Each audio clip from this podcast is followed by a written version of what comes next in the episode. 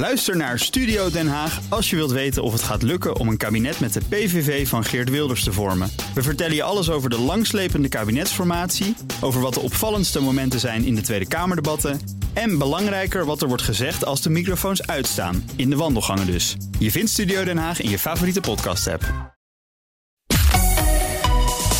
BNR Nieuwsradio. De AEX-factor. Paul Lasseur. Welkom bij de AX-factor met daarin alles over de beurzen, beleggen, vermogen opbouwen. We struinen de beurzen af voor het belangrijkste en meest bizarre nieuws... van bitcoin tot Tesla, van goud tot sojabonen. Financieel onafhankelijk voor je dertigste of gewoon een zorgeloze oude dag. Het komt allemaal aan bod en we kijken verder dan alleen beleggen in aandelen. Kortom, je bent helemaal bij als je luistert. En ons panel vandaag bestaat uit Han Dieperink. Hij is beleggingsexpert en commercieel directeur van vermogensbeheerder Aureus. Welkom. Dank u wel. Goed dat je er bent. Dank. En Harry Klip, oprichter van de Optie Academy en al tientallen jaren actief op de beurs. Dag Harry. Goeiedag. Fijn dat je er bent. Ja, uh, beleggen in drank, wapens, porno en casino's. Ethisch misschien verwerpelijk, maar misschien kun je er wel goed aan verdienen. En hoe ver ga je erin? Hoe zwaar laat je principes wegen als belegger? We bespreken het zo, maar eerst doen we een greep uit het belangrijkste nieuws van de afgelopen week. Het witwasschandaal bij ABN AMRO heeft er flink ingehakt. Je komt met een, een verlies in de boeken. Uh, het is wel zo dat we zonder de schikking van 480 miljoen... een netto winst hadden gerealiseerd van 426 miljoen. De Nederlandse rente die is door de 0% heen geschoten. En ook de rest van Europa schieten de rendementen op staatsobligaties omhoog. En dat komt allemaal door de Amerikaanse inflatiecijfers... die veel hoger waren dan verwacht. Het slechte nieuws was daar de schrik in ieder geval. Het zaten we al op te wachten. We wisten dat het inflatiecijfer uh, zou tegenvallen, of dat het hoger zou zijn, die inflatie. Nou, dat was ook wel wat we onszelf ingeprent hadden de hele tijd. En het is zelfs het hoogste cijfer sinds 2008. We gaan eerst even naar PostNL, die komt met cijfers. Het bedrijf uh, profiteert nog steeds van de pandemie. In het eerste kwartaal draaide het bedrijf een bruto winst van 130 miljoen euro. Wij verwachten over het hele jaar een groei in pakketten van 23 procent. Wat je ziet is dat een deel van, uh, van, dat, van het bestelgedrag structureel is. Ja, Herna Verhagen op het laatst. Maar uh, er gebeurde veel meer hoor. Alles ging in de uitverkoop deze week. Het was eigenlijk een beetje, uh, ja, een, beetje een bloederig tafereel op de beurs. Aandelen, obligaties, olie, goud en bitcoin.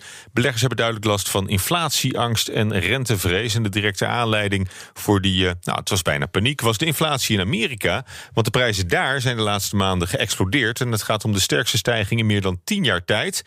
Maar die angst voor inflatie die leeft natuurlijk al veel langer. En de vraag is dan, Harry, waarom gaan nu ineens echt alle alarmbellen af? Nou, het was inderdaad veel hoger dan verwacht. Uh, maar liefst boven de 4% En oh. ja, dat was toch wel een schok voor de markt.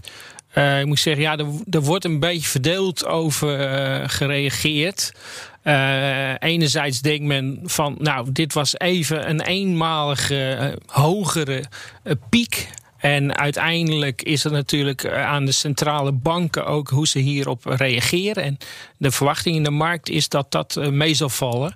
En ja, misschien hebben we het ergste dus nu Mm. Uh, voorlopig even weer gehad. Maar ja. de tijd zal het leren. Ja, Han, waarom denk jij dat nu uh, beleggers wel echt, echt aanslaan op die inflatieberichten? Nou ja, dat was natuurlijk hoger dan verwacht. Maar het, is dus, het probleem is met inflatie, het is altijd tijdelijk. Maar als je er middenin zit, dan voelt het altijd alsof het wat langer duurt. Ja.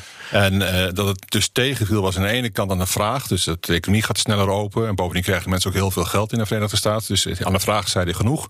En aan de aanbod, ja, er is een tekort aan chips. Dat gaat nog het hele jaar mm. nog wel duren. En dan zijn er nog meer aanbodproblemen. Dus vraag aanbod. En daarom het is gewoon vraag aanbod. Daarom stijgen de prijzen. En wat sterker dan verwacht. Ja. En het risico bestaat dat het dan nestelt tussen de oren. Dat mensen denken, ja, ik wil ook meer loon hebben. En mm. dat zie je nu ook. Hè. Hoger loon voor meneer McDonald's. Een krijg je dan. En dat, je dus, dat mensen denken van ja, op een gegeven moment moet dan de centrale bank wat gaan doen. En daar is de markt is niet bang voor inflatie, maar bang voor wat de centrale bank ermee doet.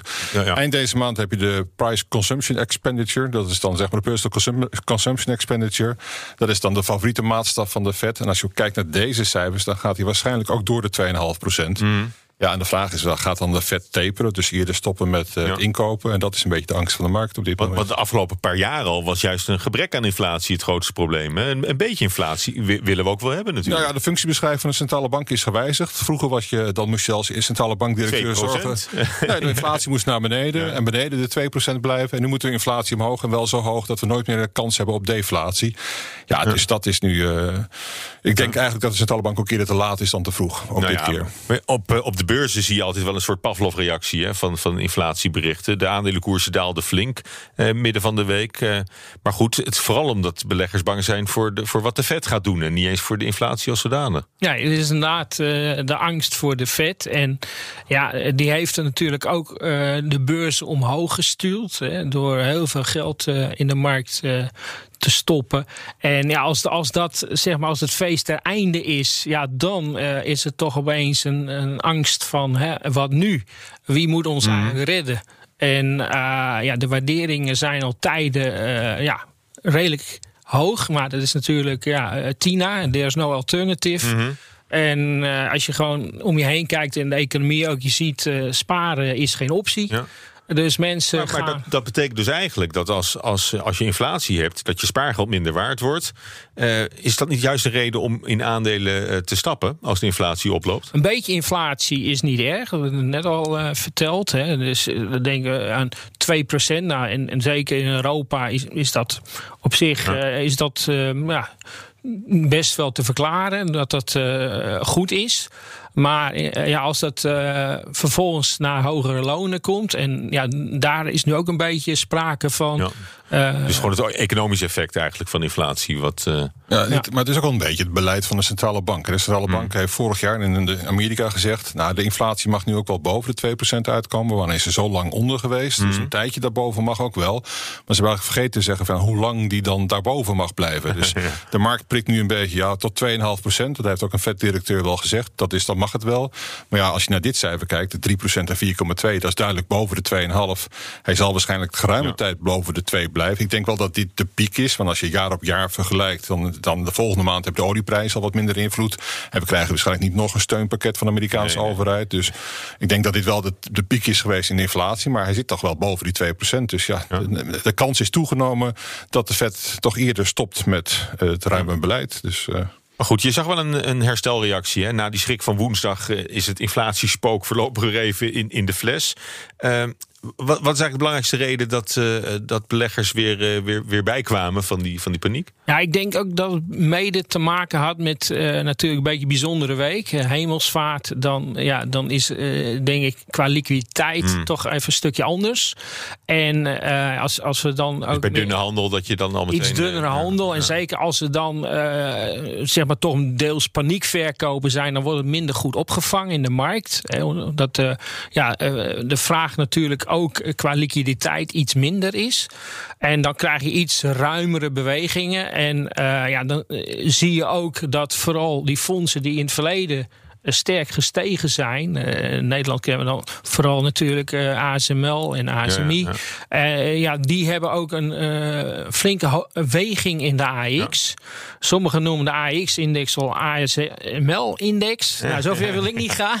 Maar het is wel nou het belangrijkste fonds van de beurs. En dat is ja, ten opzichte van tien jaar geleden had je altijd olies en unies. Ja, dat is wel even nu dat is wel, veranderd. Ja, dat is prehistorisch. het is ook meer, het is meer een rotatie dan een correctie. Ja. Je ziet ook meer dat mensen vanuit tech naar wat financials of vastgoed draaien. Dus uh, dat okay. is niet zozeer dat het echt puur dat de markt breed zakt, maar het zijn rotaties. Nou ja, wat je ook natuurlijk ziet is als, als de koersen zo hard dalen, dat er altijd mensen op het vinkertouw zitten om, om he, to buy the dip. He, nou, dat, ze, dat, dat ze juist een goede, goede, dus weer, goed ja. moment zien. Dat, dat zien we nu eigenlijk ook gebeuren. Uh, Denken jullie dat dit een eenmalige dip is? Of moeten we ons schrap zetten voor, uh, voor meer dips die elkaar nu steeds sneller op gaan volgen? En met andere woorden, is dit misschien wel het begin van het einde? Hè? Dat, dat de bubbel vanaf hier wat gaat leeglopen? Ja, dat is zo vaak het begin van het einde, dus ja. dat geloof ik nog wel. Nee, ja, dit is, als ik puur kijk naar fundamenten, dan liquiditeit die blijft vrij uitbundig. Dat, dat is, hmm. dat, de vet blijft ruim stimuleren. Dat geldt ook voor de ECB. Dat zal niet meteen dat de kraan dichtgedraaid wordt. Dat zal misschien iets minder hmm. uitbundig zijn dan voorheen. Maar bedoel, nog steeds erg ruim in historisch perspectief.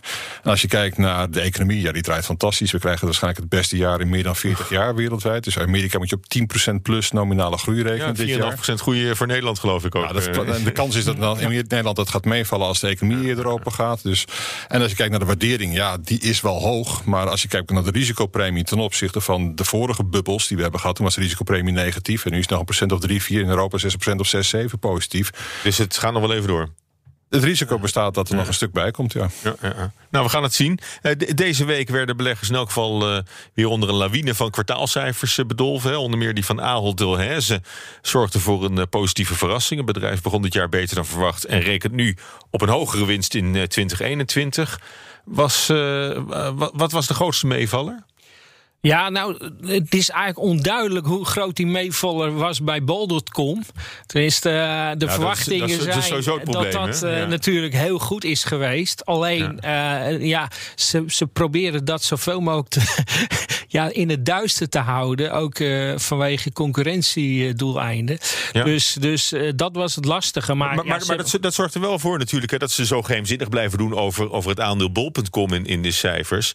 Dat er heel veel waarde uh, verstopt zit in, in Ahold. Omdat ze eigenlijk gewaardeerd worden als een supermarktbedrijf. Terwijl het eigenlijk een webwinkel is die misschien een veel hogere waardering verdient. Ja, dus uh, opsplitsen die dan, uh, dan weet je wat de waardering is. Ja, nee, maar is het. Uh, ja, ja, je lacht erbij. ja. Maar dat, dat, ik bedoel, ze, ze, hebben het nog niet zo lang. Dus het zou een beetje raar zijn als het alweer meteen zouden, nou, zouden ja, afsplitsen. Dus het zijn natuurlijk een retailbedrijf. En de afgelopen jaren heeft die, juist dit retailbedrijf, met name dus als supermarkt, heeft het profijt gehad dat andere retailers dicht moesten. Mm. En zij spullen konden verkopen die anderen niet ook die konden verkopen. En daarnaast ziet natuurlijk de overgang van retail van, van vast naar online. Ja. En ja, daar, ze hebben bol.com eigenlijk als een soort verdedigingslinie verkocht. Maar je hebt natuurlijk ook allerlei andere alternatieven tegenwoordig om supermarktboodschappen te bestellen.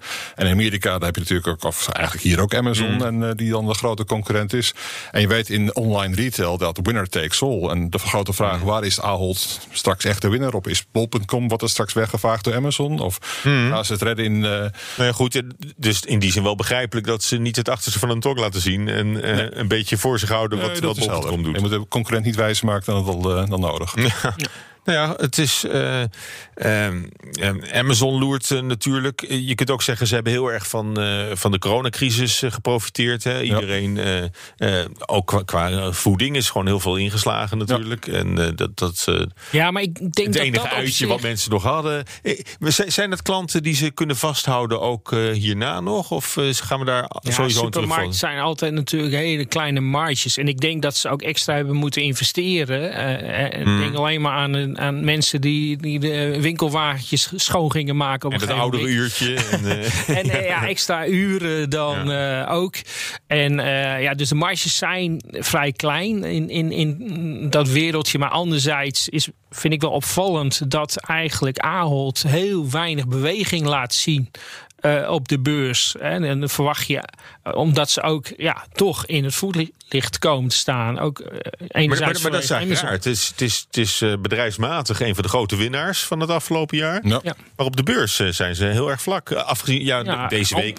ja, maar zelfs deze week eigenlijk. Het was niet uitslaande brand. Hoe bij het dan? staat al tijd 324. Ja. ja. Het is ook een eenmalig effect. Maar je moet ook rekenen dat deze crisis ook een podium geeft aan concurrenten. Dus dat je bijvoorbeeld naar Picnic kijkt. Opeens die krijgen natuurlijk veel meer vraag. En die kunnen ook een stukje marktaandeel ja, krijgen. Of gorilla's, hè? in 10 minuten je boodschappen thuis. Dat is echt helemaal de nieuwe trend natuurlijk. Dat zit er helemaal aan dat is, te komen. Dat, oh, ik denk alleen in Amsterdam. Ja, maar dat, dat grote Amazon, hè, dat, uh, het, het, blijft nog een beetje, beetje buiten beeld uh, voor, uh, voor Ahold. Maar ja. ja, dat zou wel eens ook als je kijkt hoe ze gepresteerd hebben, is natuurlijk bizar. Hè? 44 miljard euro omzet hebben ze het afgelopen jaar gedraaid. Hoeft daar geen cent vennootschapsbelasting over te betalen, omdat ja, ze het allemaal goed, goed, geregeld te hebben. Um, ja, en bij de Europese Commissie hebben ze het ook nog eens gewonnen. Of, of krijgt er nog een staartje? Dat, uh... ja. Nou, ja, ja, je ziet dat natuurlijk in China de, Chinese techbedrijven hard worden aangepakt door de Chinese overheid. En dat eigenlijk bijvoorbeeld de regering Biden opvallend laks is met betrekking tot het aanpak, aanpak van de Amerikanen. En Vestager die pakt het veel harder aan. Dus in Europa dan pakken we die techbedrijven wel aan. Dat is niet zo'n uh, probleem. Ja. Dus daar krijgen ze nog wel wat, uh, wat tegenwind. Ja, ik denk dat ze toch wel in hoger beroep zullen gaan. Dus de eerste slag heeft, heeft Amazon gewonnen. Maar de belangen zijn natuurlijk ook groot. Dus uh, dat, uh, voor ja. beide kanten. Dus ja, 250 miljoen is eigenlijk dan peanuts uh, ja, natuurlijk ja. Voor, voor een bedrijf als Amazon. Maar Amazon was ook, was ook echt zo'n stay-at-home stok natuurlijk. Hè. Die hebben in de pandemie waanzinnig geprofiteerd van, van de lockdown. Uh, Ahold ook in zekere zin. Hè. Uh, PostNL, we hoorden Herna Verhagen in het weekoverzichtje ook al... is ook naar een record gegaan hè, qua pakketbezorging. Maar daar zag je wel een teleurgestelde uh, beleggersreactie. ja, dat is natuurlijk ook een monopolie, hè, dat uh, PostNL tegenwoordig. Mm hebben het een jaar geleden, twee, cent, twee jaar geleden, hebben ze cent overgenomen. En toen heeft de, de toezichthouder, de mededingingstoezichthouder gezegd... ja, dat mag niet. En toen heeft, hebben ze dat toch doorgedrukt. Ja. En alleen er zijn er wel bijzondere regels. En dat betekent bijvoorbeeld dat als de winstgevendheid hoger is dan 9%... dat dat dan afgeroomd wordt, die winst. Mhm. Dus ik weet niet of veel beleggers zich dat wel realiseren. Maar wat je PostNL natuurlijk gezien hebt in de afgelopen tien jaar... is dat eigenlijk het aantal pakjes, het aantal verzendingen is gehalveerd. En tegelijkertijd zijn de prijzen meer dan verdubbeld. Hè. Dus als je kijkt naar de posttarieven. En dan komt er opeens een jaar dat op een gegeven moment... Ja, de postverzendingen enorm aantrekken door, uh, door corona. Ja, Met die hogere tarieven. Ja, dan komt natuurlijk een fantastische... Dat ziet iedereen dat dat tijdelijk is. nou, ik, ik vraag me af of iedereen zich wel realiseert... dat de, de overwinst ook daadwerkelijk door de overheid wordt afgeroomd. Want de hmm. overheid, het is een monopolie met extra regels. En dat, die overwinst gaat dus niet naar de aandeelhouder... maar die gaat dus toch gewoon naar de overheid. BNR Nieuwsradio. De AEX-factor. Komende week dan zijn de blikken vooral gericht op Shell's aandeelhoudersvergadering... waar het opnieuw gaat over de klimaatplannen van het oliebedrijf. Wesley Weerts is aangeschoven om daarop eh, vooruit te blikken. Ja, Wesley, dat belooft best een bijzondere aandeelhoudersvergadering te worden. Dat denk ik wel. Ja, eerder dit jaar uh, schroefde Shell zijn uh, ambities op het gebied van klimaat op. En toen sprak het bedrijf ook voor het eerst het voornemen uit om in 2050 klimaatneutraal te zijn. En tegen die tijd wil het dus zoveel groene initiatieven hebben dat uh, ja, de productie van fossiele brandstoffen, dat die naar verhouding dus minder schadelijk mm. zijn. onder meer waterstof wordt als heilige graal gezien bij Shell. En het bedrijf is dus op de groene tour en wil die nieuwe... Ik, ik zag er laatst een, hè? een, waterstofpomp. Bij, bij, bij Shell. Ja, je vertelde dat inderdaad bij de, bij de snelweg. Ja, lekker snelweg. Ja, ik, ik, ik, denk nooit langs de snelweg. Even, even ja. dus ik heb ze nog niet gezien. Maar op dat gebied is Shell dus, die, die wil wat vergroenen, is op die, op die groene toer. En de nieuwe strategie die wordt aankomende week uh, ook voorgelegd aan zijn aandeelhouders. En uh, ja, voor een Shell is het voor het eerst dat een energiebedrijf dat op die manier ook doet. Op die manier ook de, de, de, de toestemming of de goedkeuring vraagt van de aandeelhouders. En topman Ben van Beurden zegt dat het ook belangrijker dan ooit is ja, dat die aandeelhouders begrijpen begrijpen wat Shell doet. En misschien nog wel belangrijker dat ze dat ook steunen wat Shell wil doen. Um, maar de grote vraag is wel: van ja, wat doet Shell er uiteindelijk mee? Want die stemming, uh, die, die, ze vragen er wel van wat vind je ervan? Maar die is puur adviserend en niet bindend. Dus als die aandeelhouders het niks vinden, ja, dan kan Shell het alsnog naast zich neerleggen en ja, gewoon verder gaan waar ze mee bezig waren. En er zit er niks anders op dan stemmen met de voeten. Hè? Gewoon weglopen bij het, eh, bij het aandeel. Weet wel een beetje hoe aandeelhouders denken over de aanpak van Shell? Nou, in eerste instantie werden die nieuwe klimaatdoelstellingen van Shell door eh, activistische beleggers, zoals, als een Follow Dist bijvoorbeeld, met voorzichtig optimisme verwelkomd. Um, maar inmiddels zijn ze toch iets bijgedraaid en iets kritischer uh, zijn ze erop. Uh, want die plannen zijn toch niet ambitieus genoeg. Die nieuwe strategie uh, ja, die belooft eigenlijk te weinig voor in de uh, ver, verre toekomst. Um, en Follow This wil bij die aandeelhoudersvergadering van Shell daarom ook dwingen om uh, dat, dat hele vergroeningsplan, om dat ambitieuzer te maken, verder uit te werken. en daarom heeft het een klimaatresolutie in stemming gebracht. En overigens is het niet de eerste keer dat die activistische beleggersclub met zo'n resolutie komt. Nee, is een bestaansrecht natuurlijk. Dat is een beetje een bestaansrecht. daarom zitten ze onder meer eh, in Shell. Eh, en die voorgaande pogingen die liepen eh, vaak, of eigenlijk elke keer, op niks uit. en werd ook door een ruime meerderheid van de aandeelhouders verworpen. wel is het zo dat het aantal voorstemmers elke keer wel weer wat groter werd. Dat groeide. Um, en ook deze keer willen meer en meer aandeelhouders groenere ambities van Shell. En een groeiend aantal aandeelhouders voeren dan ook de druk op om vaart te maken met Shell's plannen voor een energietransitie. Een groener Shell. Um, um, en nou ja, een van de punten is bijvoorbeeld, kijk, Shell zegt wel, we willen in 2050 CO2-neutraal eh, zijn. Maar dat betekent bijvoorbeeld niet dat ze de komende jaren eh, echt vol inzetten op die schonere energiebronnen en brandstoffen. Eh, want het bedrijf blijft namelijk met name in fossiele brandstoffen investeren. En van het hele investeringsbudget gaat ook veruit het meeste naar, naar olie, naar chemie, naar gas. en als die CO2-uitstoot dus in 2050 nog, nog niet voldoende is teruggedrongen, als er nog steeds CO2-uitstoot mhm. is, ja, dan wil Shell dat compenseren door CO2 in, onder de grond op te slaan of extra bomen te planten. Ja, en dat voelt dan toch een beetje alsof je bij de McDonald's een hamburger bestelt en zegt: Weet je, doe het nog maar wat extra sla op. Het, blijft wat, wat dat betreft ongezond. en dat is ook een beetje wat, wat, wat Follow This vindt. Dus je wil dat dat ambitieuzer wordt. Ehm, als we dan kijken naar de noodzaak voor Shell om dat te doen, om radicaal te veranderen. vorig jaar hadden ze natuurlijk een dramatisch jaar. Dus dan mhm. kun je misschien ook nog zeggen: Nou, het wordt wel eens tijd om een hele boel op de schop te doen. Maar inmiddels, als we puur financieel kijken, trekt dat allemaal wel weer aan. Afgelopen kwartaal boekte Shell dus ook, ook weer uh, een winst. Um, te danken aan de aantrekkende economie. Uh, gevraagd naar brandstoffen goed. Weer olieprijs is gestegen. Dus uh, misschien als we puur financieel kijken... is de noodzaak voor Shell om nu echt alles radicaal anders te doen ook niet meer zo groot als vorig jaar. Nou, ze hebben nog tot 2050 de tijd ook. Ja. Dus dat, dat zingen we ook nog wel uit. Dankjewel, Wesley. BNR Nieuwsradio. De AEX-factor. Paul Lasseur. Gokken, wapens, alcohol, porno, tabak. Steeds meer beleggers lopen met een grote boog heen om dit soort aandelen. Maar hoe slim is het om ons zo te laten leiden door emoties? En doen beleggers met een minder fijn afgesteld moreel kompas betere zaken? Uh, maar eerst uh, vraag ik aan, uh, aan Harry, als we het nou hebben over foute beleggingen, sin stocks. Welke smaken heb je dan allemaal? Nou, we hebben net al een aantal genoemd. Dat was het rijtje. ja. uh, ja, drank, drugs, uh, seks en uh, nou geen rock and roll in dit geval. Maar wapens is natuurlijk ook, ja, zeker na deze week kunnen we zeggen weer vol op het, vol in de picture. Mhm. En uh, ja, ik, ik zelf denk toch als eerste naar sigaretten. Misschien omdat ik zelf nooit gerookt heb. dat, uh, dat is dus, staat iets verder van me af, zeg maar. En uh, je kunt met drank kun je nog een andere twist maken. Dat je zegt, nou ja, je kunt met mate drinken. Ja. Of alleen bier, hè? Dus niet zo, of 0.0. en dan, uh, ja. ja. open up, hè? Uh, ja. Heineken.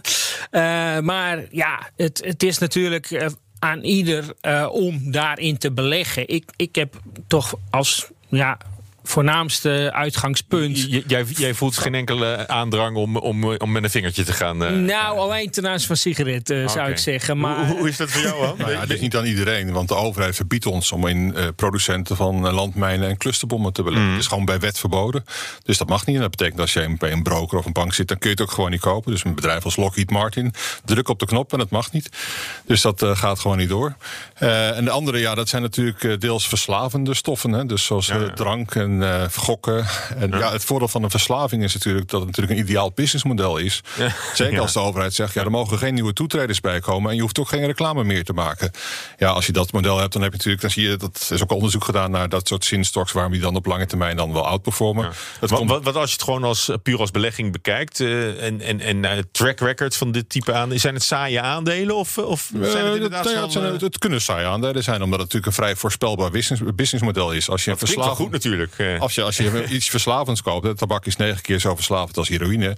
Ja, dan is het een ideaal businessmodel. Morgen elke dag blijven mensen dat opnieuw kopen. En uh, je hoeft geen reclame te maken, dat scheelt ook alweer. Ja, uh, ja bedoel, dat is dat makkelijk. Dus je hebt mooie marges die je dan kunt oh ja, incasseren. Zo, had ik er nog niet eens naar gekeken. Het, het scheelt ja, ook enorm marketing. Ja, maar het stopt dus als je license to operate verliest. Dus als de maatschappij zegt tot hier en niet verder. In 2015 hebben we de Sustainable Development Goals gezien. Dat is het grootste marketing succes van de Verenigde Naties. En toen hebben heel veel mensen toch zeg maar hun beleggingen tegen die... Een beetje, beetje cynisch, Jan. Het is een heel groot marketing succes. het is massaal omarmd door beleggers. Het is massaal omarmd. Dus het is de, de beste dollar ooit geïnvesteerd door de Verenigde Naties... is dat Sustainable Development Goals. Ja. Want dat is alleen maar naar marketing gegaan. Dat heeft ervoor gezorgd dat er een echt een grote energietransitie... de aanpak van de klimaatcrisis, alle green deals... ik denk dat die grotendeels daarop terug zijn te voeren. Dus de, de investering is vele malen waard... van wat ze dan daadwerkelijk ingestopt hebben. Maar goed, je, wat je dan ook gezien hebt als gevolg van die Sustainable Development Goals... is dat mensen gaan kijken naar tabak. En als je tabak tegen die 15 of die 17 doelen aanhoudt, dan tikt tabak 16 van die 7 doelen. Ja. Het is kinderarbeid, omkoping, alles zit erin. BNR Nieuwsradio, de AEX-factor waarin we praten over fout beleggen, Sinstocks. En uh, om daarover te praten zijn hier nog altijd uh, Han Dieperink... beleggingsexpert en commercieel directeur van vermogensbeheerder Aureus... en Harry Klip, oprichter van de Optie Academy... al tientallen jaren actief op de beurs.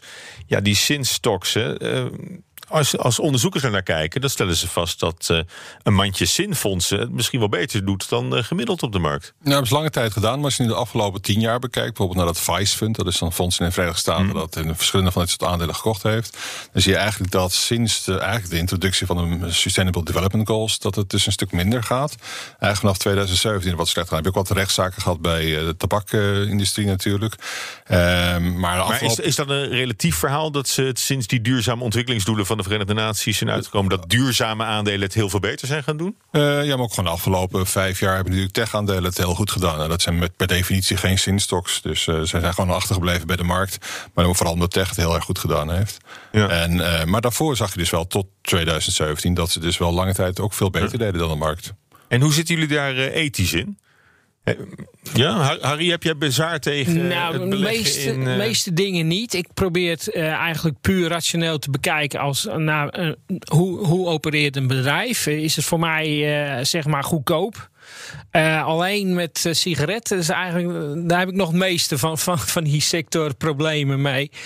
omdat ik zelf nooit gerookt heb en eigenlijk ook vind ja, dat dat zo verslavend is. Mm dat dat mag op mij ook uh, hard aangepakt worden. Uh, maar ik vind, ja, eigenlijk is het aan iedere belegger om daarover een beslissing te nemen. Ja. Ja, alleen het, het, is niet meer helemaal vrij om dat te beslissen. Want de, de, overheid. Sommige, sommige is de overheid. Maar ik vind ook wel dat je een beetje maatschappelijke voeling moet hebben als belegger. Dus als de maatschappij zegt: dit accepteren we niet meer. dan loop je wel een heel hoog risico dat dat bedrijf ook zeg maar niet meer winst kan maken. Dus dat het bedrijf ook echt risico's loopt. Dus dan is, is het uiteindelijk een hele rationele economische overweging. Absoluut. En je moet eigenlijk zo'n zes maanden vooruitlopen over wat je denkt dat de maatschappij gaat denken. Want bedoel, ook met die oliemaatschappijen die we de afgelopen jaren gezien, die vrij fors underperformed hebben. Dat komt niet alleen door de olieprijs of dat soort de ontwikkeling van de energietransitie. Maar ook gewoon omdat beleggers aan het verkopen mhm. zijn. Dus op het moment dat je ziet dat het verschuift, dat mensen zeggen: dit accepteren we niet meer, dit willen we niet meer. En zeker als grote pensioenfondsen dat zeggen we: dit willen we niet meer. Ja, die verkoopdruk is een factor om rekening mee te houden. En als je dan zeg maar de verliezers beperkt, die zitten ook bij de banken. Dat waar de maatschappij ook eigenlijk zegt: ja, die hebben niet zoveel meer op met banken. Ja, dat komt toch de koersen daarvan onder druk. Dus het verschuift. Je moet goede voeding mhm. hebben met de maatschappij, wat ze dat vinden. En ja, alleen bij sommige zinstocks heb je dan gezien, zoals bijvoorbeeld tabak of alcohol. Ja, dat wordt nog gewoon geaccepteerd door de maatschappij, waar de overheid zegt het mag niet meer. Ja, maar dan is het natuurlijk een ander businessmodel. Dan is het mm. juist voor die bedrijf heel aantrekkelijk om wel te blijven verkopen, zeker als het verslavend is. En dan, uh, ja, de overheid, als hij niet echt ingrijpt, ja, dan kun je nog steeds hele hoge kaststromen eruit ja, incasseren. Dat, dat, is het voorbeeld wat je ook gaf van, van die sigaretten natuurlijk. Hè? Ja. Als je, uh, als je uh, reclame maken voor sigaretten niet meer mag. En de, de merknaam moet van het pakje. En, ook geen nieuwe toetreders. Alles, uh, alles uh, uh, wat eigenlijk wordt, in het werk wordt gesteld, speelt in zekere zin ook in de kaart. Omdat ze die kosten niet meer hebben. Ja, zelfs de accijnsverhoging. Als je accijns verhoogd gaat, ja, dan gooi je er makkelijk nog een cent marge extra tussen. Ja. Dus dan kun je marge ook verbreden. Dus dat, nou ja, en als we het over wapenfabrikanten hebben. Dat is ook een, een schrijnend voorbeeld altijd. Als er weer een school shooting is in Amerika, dan zie je de, de aandelen Smith Wesson en, en Colt. ik weet niet, Colt Feet gaan, dacht ik. Nou, nee, maar je ziet juist die andere... Die, die, die, schieten dan juist omhoog of, of omlaag. In het geval dat ze, dat ze rekenen op, uh, op strengere wapenwetgeving. Nou ja, maar dan schieten ze juist omhoog. Van vooruitlopend op die strengere wapenwetgeving wil je nog even kopen. Dus, een voorraadje volgens mij hebben ze nu inmiddels gemiddeld per Amerikaan zes uh, van dat soort dingen. Maar ja. uh, nee, je ziet dus dat... kijk, wapens natuurlijk ook bijvoorbeeld wat een impact heeft gehad... is wat Trump zegt van ja, mm. beste NATO... je moet gewoon 2% uitgeven aan je defensiebudget moet omhoog. Ja, dat helpt natuurlijk ook voor dat soort wapens wapensystemen. Dus, uh, en het is ook een beetje raar om als overheid dan in, in wapensystemen te investeren en tegen burgers te zeggen van je mag daar alleen geen aandelen in kopen. Ja, maar goed, het, het, verbod van de overheid is nu dus voor tegen controversiële wapens. Dus dat zijn mhm. dus die landmijnen, clusterbommen. Dat zijn wapens waarvan Nederland ook vindt dat je die niet mag gebruiken. En een discussiepunt is dan de, bijvoorbeeld kernwapens. Want kernwapens, dat valt dan feitelijk er wel onder. Mhm. Maar ja, je kunt ook zeggen dat kernwapens lang gezorgd heeft dat het juist zo lang vrede is geweest. Dus dat is een, uh, een mistige discussie. Nou ja, grote beleggers, hè, zoals uh, het ABP, die hebben ook in hun beleggingsbeleid dan opgenomen. Wij beleggen niet in bedrijven die controversiële wapens produceren. En dat zijn wapens die verboden zijn volgens internationale verdragen waarbij Nederland is aangesloten. dus dan heb je het over die antipersoonsmijnen, clustermunitie, biologische chemische wapens, eh, kernwapens. Um, Nou goed, ook bedrijven die, die daarbij zijn, zijn betrokken bij de productie van kernwapens, daar wordt nu niet meer in belegd. Maar goed, het uh, gewone beleg, kleine beleggers, die, die, die, mogen er ook niet in uh, investeren. Nee, ja, met lastig, het klinkt natuurlijk heel zwart-wit. Maar het probleem is bijvoorbeeld een, een, bedrijf als Boeing, dat maakt dus de Minuteman voor de VS. En dat is dan mm. een, een, kernraket. Ja. Dat mag dan ook niet meer. Maar iedereen vliegt natuurlijk wel in, in, gewoon in een Boeing. Dus ja, in duurzaamheid, dat zijn keuzes, dat worden vele soorten grijs die je dan moet bepalen. Dan wordt het een stuk lastiger. Ja, en, en het ABP belegt dus wel degelijk in conventionele wapensystemen. Ja. En, uh, en toeleveranciers daarvan. Ja. Vind jij daar iets van, Harry, of denk je van nou terecht? Nou, kijk, dat ABP keuzes maakt, oké. maar... Je, wil ook spreiden natuurlijk. dus misschien wil je dan ook wel in, in, in dat soort uh, bedrijven. Ik, ik vind, ze moeten ook uh, vanuit het uh, oogpunt van... is het een goede belegging kijken... en, en ja, niet te veel laten leiden door activistisch nee. gedrag... Van, van, van mensen om hun heen. Nou ja, en het ABP belegt natuurlijk ook de pensioenen van al die militairen... die, daar, die daaronder vallen. En zou toch een beetje hypocriet zijn om, om, om wel de pensioenen van de militairen te verzorgen en dan daarvoor niet in wapensystemen te zitten. Ja, zeker. De, goed, Lockheed Martin is dan ook uh, natuurlijk een fout bedrijf. Uh, door de AFM uh, als, als fout bestempeld. En ja, ik, ik, deze week is getest en ik kon bij één broker kon ik ze toch nog wel kopen. Waarschijnlijk was het misschien een foutje. Ik zal de naam dan maar niet noemen. Maar ja, ik denk wel van. Maar, maar wilde je ze nog hebben of wilde je nee, was even een test.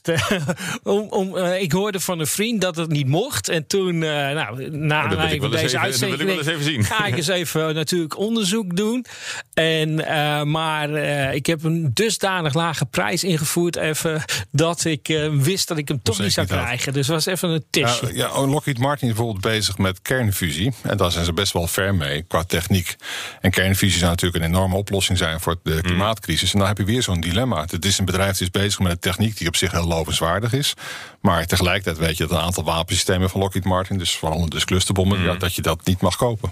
Ja. We hadden ook een, eh, een, een, luisteraar, Lodewijk Hof, die, die ziet ook wel een dilemma ergens in, uh, in, in, in, in het beleggen in Sinstocks. Hij schrijft over een bepaald wapenbedrijf. Lijkt mij top om in te zitten. Qua investeren zou ik zeggen dat ethisch iets is om er weg van te blijven. Dus dan begrijp ik niet helemaal precies uh, hoe hij het zegt. Maar hij signaleert in ieder geval dat, dat dilemma. Ik weet niet of het voor hem reden is om er, om er net zo goed in te, in te beleggen. Of dat hij zegt. Uh, ethiek en beleggen zouden niks met elkaar te maken moeten hebben. Ja, nou, ik, ik denk dat hij dat bedoelt ook. Ja. Eh, en dat is een beetje op die lijn waar ik uh, grotendeels zit. Uh, ja, goed, iedereen maakt daar natuurlijk zijn eigen keuzes in. maar ja, ik kunt je voorstellen als, als de overheid zegt iets niet mag. We hebben natuurlijk ooit ook hmm. met, met de drank in Amerika gezien. Ja, dan, dan vindt de markt toch wel manieren om te omzeilen. En kijk, er is natuurlijk ook wel een verschil tussen grote beleggers eh, ABP en, en, en Jan Particulier, die uh, natuurlijk best hmm. een, uh, een keuze daarin soms neemt. En ja, als, een, als een bedrijf beursgenoteerd is, ja, ik zou zeggen, zorg dat die beursnotering er niet komt. Hmm. dan kun je er niet in beleggen. Ja. Maar als die al beursgenoteerd is. Dan laat je veel meer aan, aan directe investeerders over of ze al dan niet daarmee ja, ja. mee in zee gaan. Ja. Ja, maar ik bedoel, als je, als je een professionele belegger bent, dan moet je in de eerste plaats gewoon voor rendement gaan. Dus dan moet je niet iets keuzes maken voor de klant of voor de, de eindbelegger om te zeggen, ja, dat mag niet dat mag wel. Dus je moet gewoon voor het rendement gaan. Maar omdat het dus wel duidelijk iets maatschappelijk zit, is, vind ik wel dat je moet kijken hoe de maatschappij tegen bepaalde zaken aankijkt. En als je denkt, nou, de maatschappij die is erg voor de energietransitie, dan is het vrij logisch dat bedrijven die mhm. actief zijn op die energietransitie het erg goed gaan doen. Want die worden gestimuleerd, die krijgen voordelen bij bijvoorbeeld de prijzen van CO2 en dat soort zaken. Dus het is niet zo heel vreemd om te kijken wat dan maatschappelijk wel of niet aanvaardbaar is. En daar rekening mee te houden bij je beleggingen. Ja. En er komt dus nog veel meer uh, wet en regelgeving aan. We hebben een richtlijn nu de SFDR-richtlijn. Dat is zeg maar tegen greenwashing. Er komt dus onherroepelijke moment aan dat het niet meer lonend is om te, te beleggen in, uh, in tabak. Als het verboden wordt. Dus ja. dat gaat nu discussie op tabak. Maar moet gewoon weer alleen maar. Dus dat is dan wel weer heel zwart-wit. Alleen bij een absoluut totaalverbod dan is, dat is het moment om. Als het zo'n grote invloed heeft op de omzet, of dan, ja, dan is het ook niet meer rendabel om erin te beleggen. Ik denk als de markt beseft dat die kans bestaat, dat er echt een verbod komt, ja, dan gaan ze er niet meer in beleggen. Dus uh, dan krijg je eigenlijk ook. Uh, maar dat hebben we in de verleden natuurlijk wel gezien. We hebben Marlboro Friday gehad, dat op een gegeven moment die tabaksfabrikanten heel hard onderuit gingen, omdat er een grote schadeclaim was toegewezen. En dan loop je natuurlijk sowieso het risico bij tabaksfabrikanten. Ja, bedoel, we weten dat het schadelijk is en dat het toch doorgedrukt wordt, koste wat kost. Dat er zelfs verslavende middelen toegevoegd worden aan, het, aan de sigaretten. Dus dat er ja. politici worden omgekocht om zeg maar toch maar reclame te mogen maken. Dus ja, ja. je kan vrij makkelijk zeg maar een rechtszaak aanvechten. En dan heb je natuurlijk dure advocaten tegenover je staan. Maar af en toe wordt er eentje gewonnen. En dan gaat er dus, als er een class action is, kan er zomaar zo 30% van de koers afgaan. Dat is het risico wat je op de koop toe moet nemen. Ja. Nou ja, goed. Uh, het is ook niet altijd duidelijk misschien hè, voor particulieren of ze indirect uh, misschien ook in, in wapenfabrikanten beleggen of in andere uh, sinstocks, omdat ze een, in, in een mandje van een, uh, van een ETF zitten. Ja. nou, ik denk dat. Hoe, hoe, hoe transparant vaak... is dat? Want we hebben natuurlijk Niet. jaren geleden alweer die hele cluster, het clusterbommengevoel. Hè, dat was van Zembla, geloof ja. ik, die documentaire over, over Zwitserleven. Dat die in, in hele foute producten zaten. Ik, ja, ja. Voor mij vorige week nog een verhaal in de, in de Volkskrant over iemand die ook is, is was gaan van, controleren hoe, hoe safe zijn eigen pensioenfonds eigenlijk was. En ja, vaak zijn het indexfondsen en die kopen gewoon de markt. En als ja. je de markt koopt, dan zit alles erin. Ja. En dat mag ook. Hè. Dus, dus als je kijkt naar de controversiële wapens die in de indexfondsen zitten, zolang er niet meer dan 5% van de index uitmaken, nou dat zijn ze allemaal niet, want er zijn mm. hooguit 30 bedrijven wereldwijd. Ja, dan, uh, dan mag het gewoon. Dus als je gewoon de wereldindex trekker koopt of de MSCI wereldindex, ja, daar zit gewoon clustermunitie, landmijnen, het mm. zit er gewoon in. Ja. Maar goed, de, en, tegelijk zie je, hè, dan gaan we toch weer even terug naar, naar overheidsbeleid. Hè, accijnzen op alcohol, uh, reguleren van gokken, duurzame bedrijven die aan de andere kant wel profiteren van allerlei subsidies. Dus het is een beetje een ongelijk speelveld aan het worden. Maar je ziet dat het, de koers van foute bedrijven nog nauwelijks, nog nauwelijks raakt. Maar dat gaat wel komen, denk je? Nou ja, behalve de afgelopen vijf jaar. Dus de afgelopen vijf jaar is ze eigenlijk gelijk gebleven. Hmm. Terwijl de beurs gewoon verder is doorgestegen. Dus de afgelopen vijf jaar is er, is er wat blijven liggen. Ik weet niet of dat nou ligt aan dat nu opeens een trend naar verduurzaming is of zoiets. Maar ik weet het ook meer, zeg maar, een combinatie van factoren. Dat tech het heel goed gedaan heeft. En juist zeg maar, dit soort defensieve sinstocks misschien niet. Dat die wat zijn achtergebleven. Het is niet zo dat het nou winstmatig nou heel erg slecht gegaan is volgens mij dat, met dat nee. soort bedrijven. Nee, want wat je zou denken, het, het zijn misschien ook wel uh, heel crisisbestendige ja. Uh, ja, ja, juist, juist, nou, juist in de crisis. De, de gokmarkt zeker. ja. Hè, dat, de markt dat, ja, als, dan als het je slecht gaat, hoe denk je dat Nou ja, jij we zijn het ook allemaal gaan, gaan beleggen. Is toch, toch ook een soort gok? Dat is, ja, ja uh, tuurlijk. Uh, het is een onzekere uitkomst. Dus uh, ja, dat, dat kun je ook als gok betitelen. En natuurlijk is er heel veel soorten en maten. Mm. Maar dat is met de, met de gokmarkt ook. Maar ja, die bedrijven die proberen wel steeds iets nieuws uit te ja. vinden.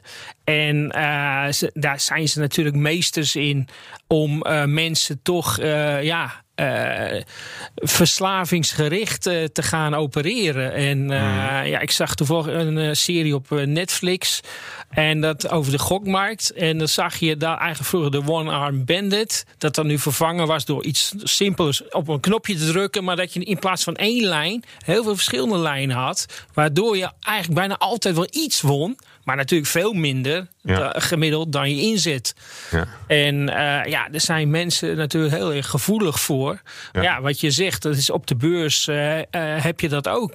Ja. Nou, iets meer tegenwoordig. Hè? Want ik had niet meer naar het casino. Maar je, tegenwoordig heb je Reddit en Robinhood. En dan denk je van ja, hebben die mensen nog helemaal ingelezen in het bedrijf? Of wagen ze maar een gokje? Dat zou zomaar kunnen. Ja, en, en is dat zo erg als ze maar een gokje wagen? Nou, nou, als we weten wat ze het kunnen overzien, wat de financiële risico's zijn. Vol, volgens mij zien ze die risico's niet. En, en ik, in, in, mijn omgeving hoor ook verhaal dat mensen zo aan het gokken zijn. En dan ook ja, met crypto's, oké, okay, lokt een beetje uit. Maar ja, heb je die Dogecoin. Ja, het is uh, toch het, een apart het, het verhaal. Is, het is, ja, gebakken wind. Hè? Maar het is ook apart dat zo'n uh, CEO als Musk. Ja. daar gewoon in een tweet alles over mag zeggen. Terwijl hij een paar jaar geleden gekapiteld is door de SEC. Dat hij oh, met Tesla. Ja. Uh, daar mocht hij niks meer zeggen. Ja. Hey, even terug naar, naar die, naar die sinstocks, toch het hoofdonderwerp. Um, uh, ja of nee? Moet je, die, moet je die in portefeuille hebben, een paar als, als belegger? Of uh, zeggen jullie eigenlijk van je, je kan er nu net zo goed bij, bij wegblijven? Want de rendementen zijn ook niet meer uh, bovengemiddeld. En het kan alleen maar minder worden. Je moet per geval tot geval een afweging maken. Dus nu zou je bijvoorbeeld oliebedrijven kunnen zeggen dat zijn zinstocks. Het moet dan de energietransitie, dan moeten ze doormaken. En als ze dat daadwerkelijk door gaan maken, dan zal die waardering van oliemaatschappijen ook omhoog gaan. Maar ja, je hebt altijd een afweging te maken met kaststromen die natuurlijk eh, spelen. Of dat, ja, we blijven toch nog voorlopig 100 miljoen vaten olie per dag uh, consumeren. Ja, dus, dus, dus, je moet ze eigenlijk niet anders benaderen dan, dan alle andere aandelen. Als de maatschappij gewoon olie blijft verbruiken, dan helaas, dan is dat een onderdeel van het uh, economisch proces waar je als belegger naar moet kijken.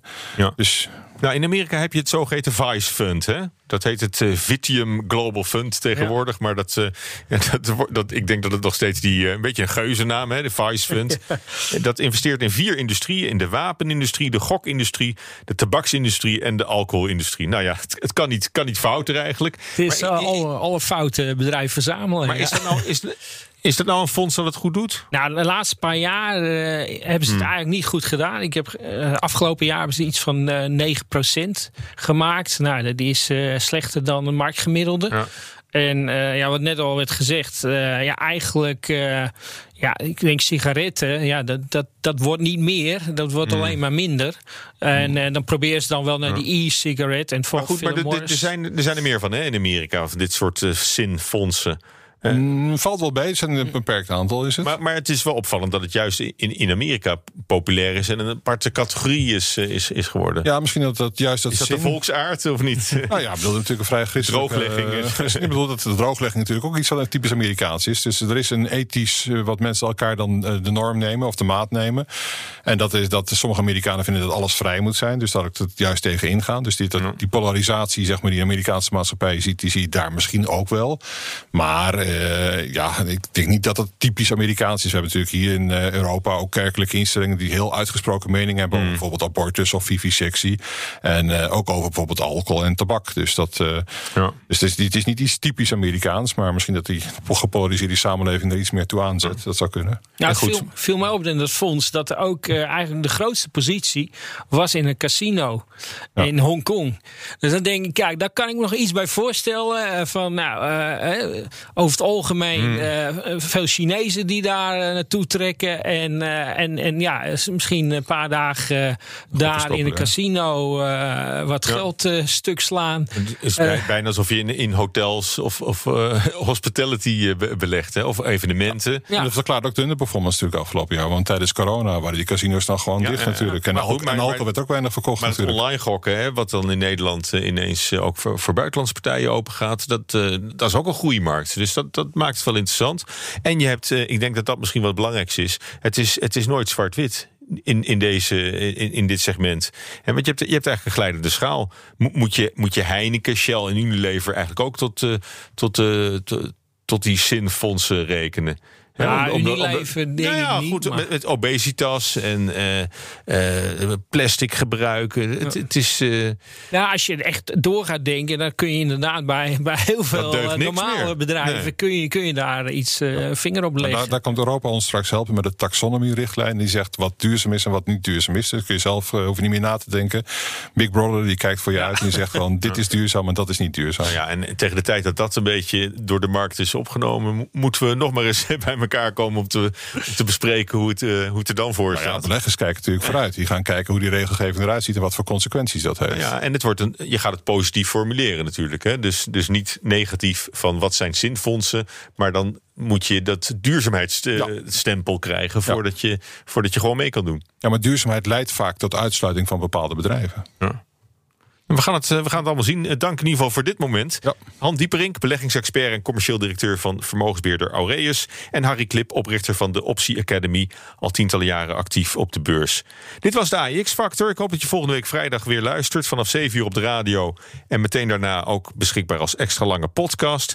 En heb je nou een gouden beleggingstip voor ons? Of uh, wil je sowieso een, een vraag stellen over, over, beleggen? Dan kunnen we die hier in de uitzending best uh, behandelen. Misschien richten we wel een aparte rubriek daarvoor in. Maar dan moet je wel een mailtje sturen naar axfactor.bnr.nl. Tot volgende week. Ook Hugo Reitsma vind je in de BNR-app. Superhandig die BNR-app. Je kunt alle programma's live luisteren, breaking nieuwsmeldingen. Je blijft op de hoogte van het laatste zakelijke nieuws. En je vindt er alle BNR-podcasts, waaronder natuurlijk de belangrijkste, Boeken zijn in de wijk. Download nu de gratis BNR-app en blijf scherp.